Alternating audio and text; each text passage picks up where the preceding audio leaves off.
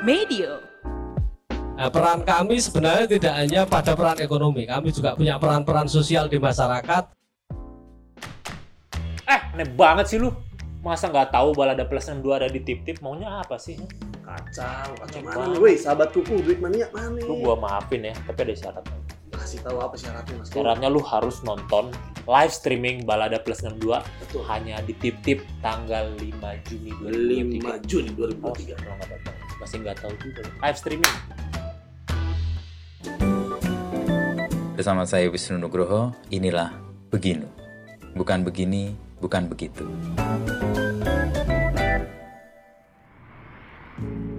Halo pendengar setia Beginu, selamat datang di episode terbaru persembahan Kompas.com dan Medio Podcast Network. Di episode ini, kita akan mendengarkan sebuah perjalanan tentang berdirinya Gelang Projo dalam mensinergikan potensi konservasi dan wisata.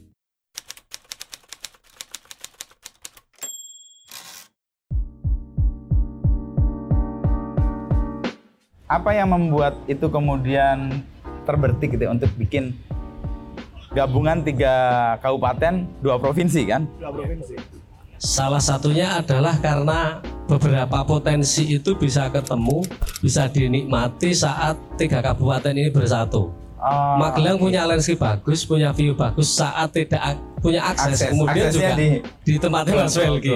Terus eh, Mas Fatah yang konsen- saat itu konsentrasi di perkopian. Mhm. Nah, juga kami mencoba eh, apa namanya? eh, membuat kegiatan paket wisata saat itu Hmm. dan alhamdulillah di sekitar 2019 kami ketemu sama Mas Erik. Hmm. Nah, Mas Erik ini yang bagi kami menjadi supporting system yang sangat luar biasa. Terus kemudian muncul ide pengembangan wisata. Ah, Iya, oke. caranya wisata ini bisa berkembang tapi tidak merusak alam kira-kira seperti itu. Nah, itu terus kita godok bersama Akamsi Gelang Projo. Nah, setelah ada Mas Erik, ada tambahannya Akamsi Gelang Projo. Oh, oke. Kemudian sekarang di uploadan-uploadan kami hashtagnya Akamsi Berdaya, Akamsi Maju. Itu Mas. itu awal-awalnya ya. Ya. Tapi kemudian eh, wisata sebagai titik yang kemudian diolah dan mengembangkan itu muncul dari mana? Eh, dulu kami berkutat pada potensi di desa masing-masing di awal mulai mungkin kalau Mas Melki ini lebih dulu kami banyak belajar di Nglinggo. Nglinggo itu mu- mungkin eh, eh, dari mulai 2010-an sudah bergerak di aktivitas wisata. Nah, kami eh, Mas Melki juga pengen juga me- membawa tamunya ini untuk ke Borobudur. Oh. Kemudian mencari teman-temannya kira-kira seperti itu. Nah, di di saat itu perjalanan itu nah eh, kami mencoba belajar dengan eh, Linggo bikin aktivitas wisata juga. Meskipun aktivitas wisata saat itu masih eh, berkutat pada activity real yang ada di masyarakat. Alhamdulillah sampai sekarang juga bisa berjalan. Hmm. Nah, eh, dari situ kemudian kita bikin paket-paket wisata Oke. terus eh, tamu yang ke dari mulai Jogja kemudian Glinggo ke dulu belum ada Tumong Menoreh masih Oke. Masih Bukit Ngisis yang sekarang jadi puncak 9 itu. Mhm. terus di Tumpeng Menoreh dulu saat itu namanya puncak kukusan ya mas. Nah, itu sudah wisata alam sudah banyak di, dikunjungi alam. Tamu namun saat itu juga kami memprihatinkan adanya sampah di situ karena nek alam ini kadang ya apa namanya eh, wisatawan itu nggak terkontrol juga nggak teredukasi tidak bahwa 100% mereka- terkontrol. Oke. Nah, kemudian setelah ketemu Mas Heri kita coba bikin plan-plan beberapa. Mungkin panjang Mas plannya Oke. sudah. Kami menyimpan beberapa planning yang akan dikembangkan di Gelang Iya, Projo ini. Projo. Oke, dan untuk plan ini Mas Melki kan salah satu yang memberikan solusi atas persoalan-persoalan yang awal-awal saya ragu adalah gimana tetap menjaga lingkungan tapi ekonominya atau wisatanya bisa jalan. Secara teknik itu gimana bisa dilakukan, Mas Melki? Kalau kami mangan dong dari awal harus seperti itu Mhm. harus jangan maju sendiri maksudnya jangan jadi prinsip kami harus maju bersama dengan masyarakat Jadi, apa yang kami pilih pun metode-metodenya yang bersama masyarakat misal makanan yang di Sajikan atau dari dijual di situ. masyarakat terus pekerja yang bikin bangunan Orang-orang masyarakat sekitar, juga seperti itu masalah satu cara nih. Itu cara untuk menjaga supaya keterlibatan dan support dari masyarakatnya besar ya. Local Manfaat pride. ekonomi. Local pride. Local pride. Nah, menjaga supaya mereka memiliki ruang-ruang itu ya. Nah, tadi Mas Soim kan menyebut bergabung dengan teman-teman di Purworejo di Benowo tadi ya, yang punya konten lah setidaknya atau punya produknya ya untuk bisa dinikmati oleh teman-teman di Gelang Projo ini. Nah, Mas Fatah sendiri untuk kawasan itu peran yang kemudian diambil dan di apa dilibati sampai sekarang apa?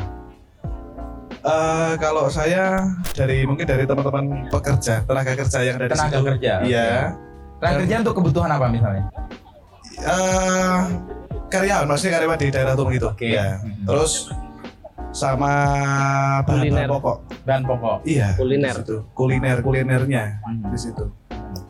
Dan tahapan kemudian Gelang Projo ini kan sekarang menjadi ada tumpeng menoreh, ada vilane, tumpeng, lalu ada yang lain-lain. Nah, siapa yang bisa cerita perkembangannya gimana dan gimana sih ngobrol sama masyarakatnya dan kemudian mereka kok kayak support semua kan biasanya ada resistensi. Nah, kalau ada resistensi gimana mengatasinya? Ya ini pakarnya Mas. Mas Soim nih, gimana Mas Soim? Eh, bisa jelasin perkembangan dari nol lalu kemudian jadi beberapa Kebetulan inisiasi. di Magelang, terutama di desaku ya, desa Kargoto itu tidak ada tanah tanah kas, kas desa, tidak ada Hmm. tanah negara. Oke. Kemudian yang ada adalah tanah-tanah hak milik. Kami sebenarnya khawatir juga awalnya kami khawatir dengan pertumbuhan wisata yang sangat masif di wilayah kawasan Borobudur kira-kira seperti itu. Nah, eh, dengan kekhawatiran itu kami mencoba eh, membuat badan usaha milik desa di 2016 sehingga tanah-tanah yang strategis yang ada di desa itu sudah kami Petakan. kerjasama di BUMDes. Oh, oke. Nah, eh, ternyata tidak mandek di situ saat sudah dikerjasama. Nah, tanahku mau diapakan? Dari warga justru yang kemudian Bertanya. Eh, apa ya? eh, Mau diapain nih gitu ya? Mau diapain terus nah eh, sebenarnya upaya itu kami ambil supaya eh, setidaknya menjadi proteksi ya, proteksi untuk eh, alih fungsi lahan secara masif di industri pariwisata. Nah, dan ternyata perkembangan pariwisata ini kan eh, sangat cepat ya. Dan akhirnya kami berbisnis pariwisata dengan mencoba mengkolabor- mengkolaborasikan antara eh, bagaimana nilai konservasinya itu tetap ada, tapi nilai ekonominya juga dapat. Karena Ah. kita nggak akan mungkin eh, bisa diajak bergerak berkonservasi saat ekonominya Nggak bergerak kita juga.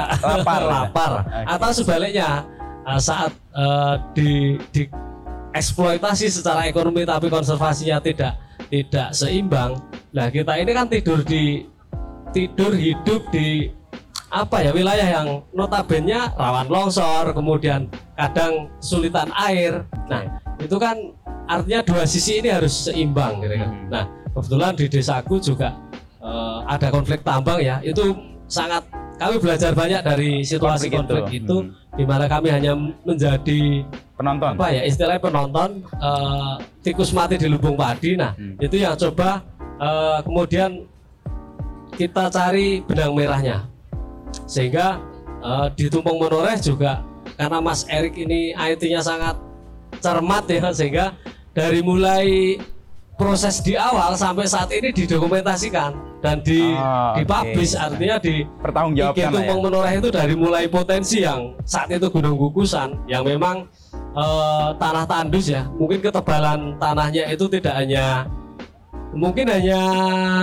20 cm lah Oh sudah iya. kena Oh, batu sehingga batu. eh, masyarakat yang punya itu tidak bisa menanam pertanian secara produktif mhm. Itu juga diskusi lama dulu bersama Mas Fatah, Mas Melki, Mas Erik antara pilihan-pilihan Yang bisa diambil yang gitu bisa ya. diambil Ah, meskipun saat itu memang Mas Erik punya tim yang jago-jago nih punya Das University yang bisa menggambar 3D Oh, kami oke. hanya gumun saja Mas Melki ya pekerjaan nah itu kira-kira seperti itu Mas sehingga uh, dua sisi ini coba kita kita gabungkan Harmonikan ya. supaya konservasinya dapat tapi ekonominya berjalan Mhm. Nah, Alhamdulillah dari muncullah Akamsi Gelang Projo. Setelah ada Mas Erik, kita tambahi Akamsi Gelang Projo, anak kampung sini. Oke. Nah, sehingga uh, itu yang menambah warna Nah, peran kami sebenarnya tidak hanya pada peran ekonomi, kami juga punya peran-peran sosial di masyarakat, di mana upaya pendekatan, upaya pemberdayaan itu juga kita lakukan karena kita sudah berprinsip bahwa eh, Gelang Projo ini harus hidup dengan masyarakat lokal. Hmm. Kita mencoba mengoptimalkan sumber daya yang ada di lokal. Eh, bahasanya Mas Erik mending eh, nyekolah ke, timbangannya kita ngambil dari impor dari luar wilayah Oh, oke. yang nanti malah justru menggeser nilai-nilai lokal yang ada di Gelang Projo. implementasi untuk melibatkan lokal secara in- apa terus menerus dan banyak itu contohnya apa aja mas? Eh, sekarang ada sekitar 60 karyawan Mhm. Dan karyawan ini belum termasuk freelance ya, belum termasuk eh, rombongannya Mas Melki yang Hmm. ini bagian destinasi. Oke, Itu semua orang lokal. semua orang Terus, lokal. eh, ada sekitar 30 vendor makan Mhm. karena Tumpeng Menoreh itu hanya menyediakan bangunan fisiknya, Platformnya lah ya. platformnya. Tapi Kemudian yang kontennya isi yang adalah isi orang luar. eh, orang Teman-teman. dari Purworejo, orang dari Kulon Progo, Dari Purworejo Magelang. Bendowo, Sedayu, kemudian Kulon Progo dari sekitar Samit Galuh dan sekitarnya dan orang Argorno. Mhm. Nah, itu semua sajian yang ada di sana sajian lokal Mhm. yang menyajikan juga masyarakat lokal dan kami sangat demokratis sehingga karyawan pun tidak kita paksa untuk kemudian jadi karyawan terus bakat yang mereka miliki, miliki bisa dikembangkan. coba dikembangkan kalau toh misalnya uh, istilahnya jangan puas hanya menjadi karyawan tumpeng menoreh tumpeng grup tapi coba digali lagi dan Mas Erik menjadi mentor di situ Oh, karena oke. Mas Erik yang mentransformasi pengetahuan dari kota ke gunung Menoreh, kira-kira ya, seperti itu. Oke. Mas Iya, iya. Tadi kan ada kesadaran di awal bahwa Magelang nggak punya tanah kas desa, lalu kemudian ada upaya untuk memetakan lah ya daerah-daerah strategis supaya tidak Tidak alih fungsi, tidak alih. alih fungsi dan kemudian jadi wisata yang eksesif gitu ya. Itu kesadaran itu muncul karena apa, Mas? Soim? Eh, mungkin ya secara organik karena kami berhadapan dengan Realitanya. masalah tambang saat itu Oh, sehingga mungkin oke. kesadaran tentang lingkungan untuk di Ngargoretno itu lebih muncul karena persoalan yang ada di dinamika yang ada di Ngargoretno sehingga masyarakat eh, justru eh, tentang kesadaran alamnya kesadaran lingkungannya lebih lebih tinggi kira-kira seperti Oke. itu. Nah dari situ kemudian eh, gerakan-gerakan yang muncul di Ngargoretno itu juga gerakan masyarakat Oke. tidak artinya tidak ada supporting dana dari luar yang kemudian mendanai gerakan-gerakan tapi Natural. badan usaha milik desa ini sudah bisa sudah bisa bergerak di enam dusun eh, one community one product itu di eh, eksis di desa sebelum cerita tentang tumpeng menoreh Oke. sehingga eh iya godak gatuk otak atik gatuk Gatuk ya, sehingga semua. spirit Termasuk. ini lebih besar saat ada Mas Erik orang dari kota membawa ilmu ya. membawa eh, apa ya Mimpi-mimpi tawaran gitu tawaran ya, untuk oke. kemudian eh, ayo kita kita kerjakan dengan dengan kita kombi- kombinasikan supaya eh, masyarakatnya terangkat juga kita bisa istilahnya aset yang ada itu ini bisa dioptimalkan. Yang kami juga awalnya memandang itu bukan aset ya, Wong. Ya. biasa nggak- tiap hari sampai sana ya. itu. Oke, ya, ya. Terus- nah, untuk perkembangan masing-masing nih, Mas Melki mungkin bisa jelaskan secara teknik pengembangan sama tadi memadukan antara kepentingan ekonomi dan kepentingan pelestarian lingkungan. Itu gimana secara teknik bisa diatasi? Ya untuk untuk yang proyek terbaru misalnya, Ya. misalnya yang yang tumpeng tren ini, kami cenderung Tumpeng train namanya. tumpeng tren. Ya. Tren itu kereta- Kereta tumpeng lah ya. ya, namanya belum fix nanti. Oh, Oke. Biasanya nama itu kan Nyusul akan ketemu sendiri. Biasanya Mas Erik langsung muncul ah ini ay. Oh, Kami tetap pakai bahan utama bahan utama yang harus cuma seling lainnya tetap manfaatkan pohon-pohon yang ada di sekitar kami tidak nebang bahkan kami berusaha untuk belok-belok justru malah Oh. supaya nggak nggak nggak sampai ada yang ketebang Mhm. nggak sampai ada yang kebego Mhm. gitu Ci.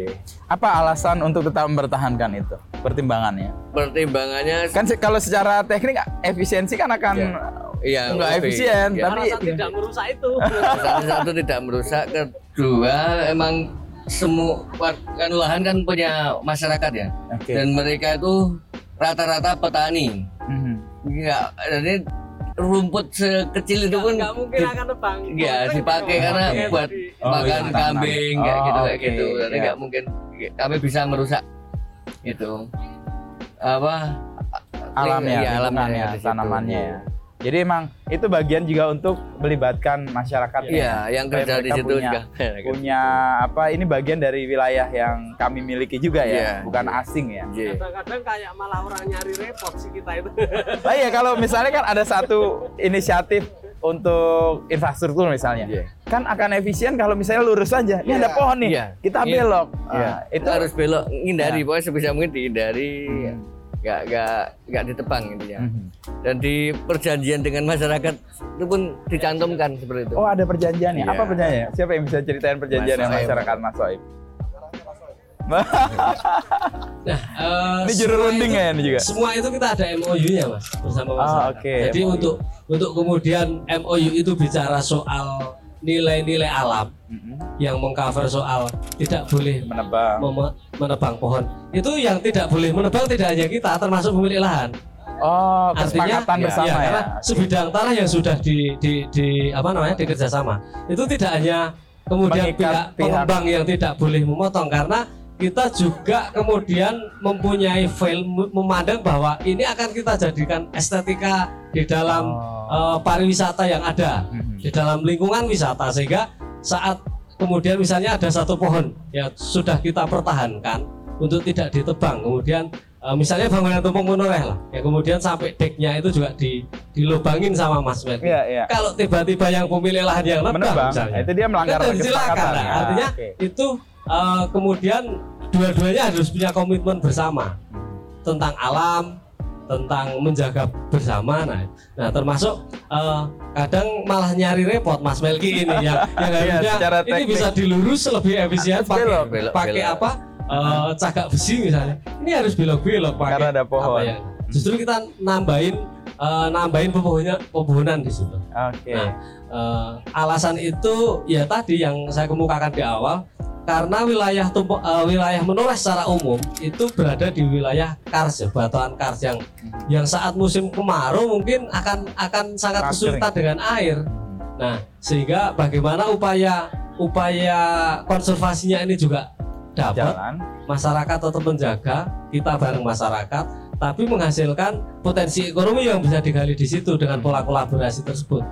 Seperti itu, Mas. Nah, tadi kan kemudian mewujud nih upayanya menjaga alam tapi ekonomi juga jalan. Apakah itu juga jadi alasan kenapa banyak pihak lalu kemudian mengejar-ngejar, ayo dong bikin wisata di tempatku, wisata di tempatku. Eh, kami sangat selektif juga dalam Sangat selektif. mencari mencari partner ya, karena banyak juga yang ingin masuk di kawasan, terutama di desaku ya di Desa Ngargono. Kami sangat selektif karena pertimbangan-pertimbangan eh, konservasi dan ekonomi itu harus harus harus seimbang yang yang kemudian ya Mas Erik ini sudah menurutku bukan investor dia ini sudah kayak orang lokal kayak orang desa sana.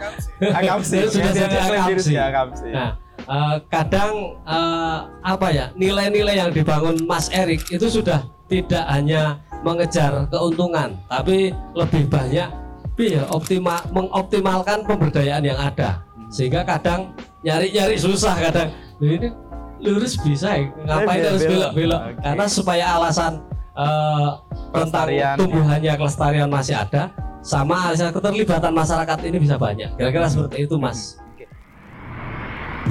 Terima kasih telah mendengarkan podcast Beginu. Nantikan obrolan Wisnu Nugroho bersama narasumber inspiratif lainnya.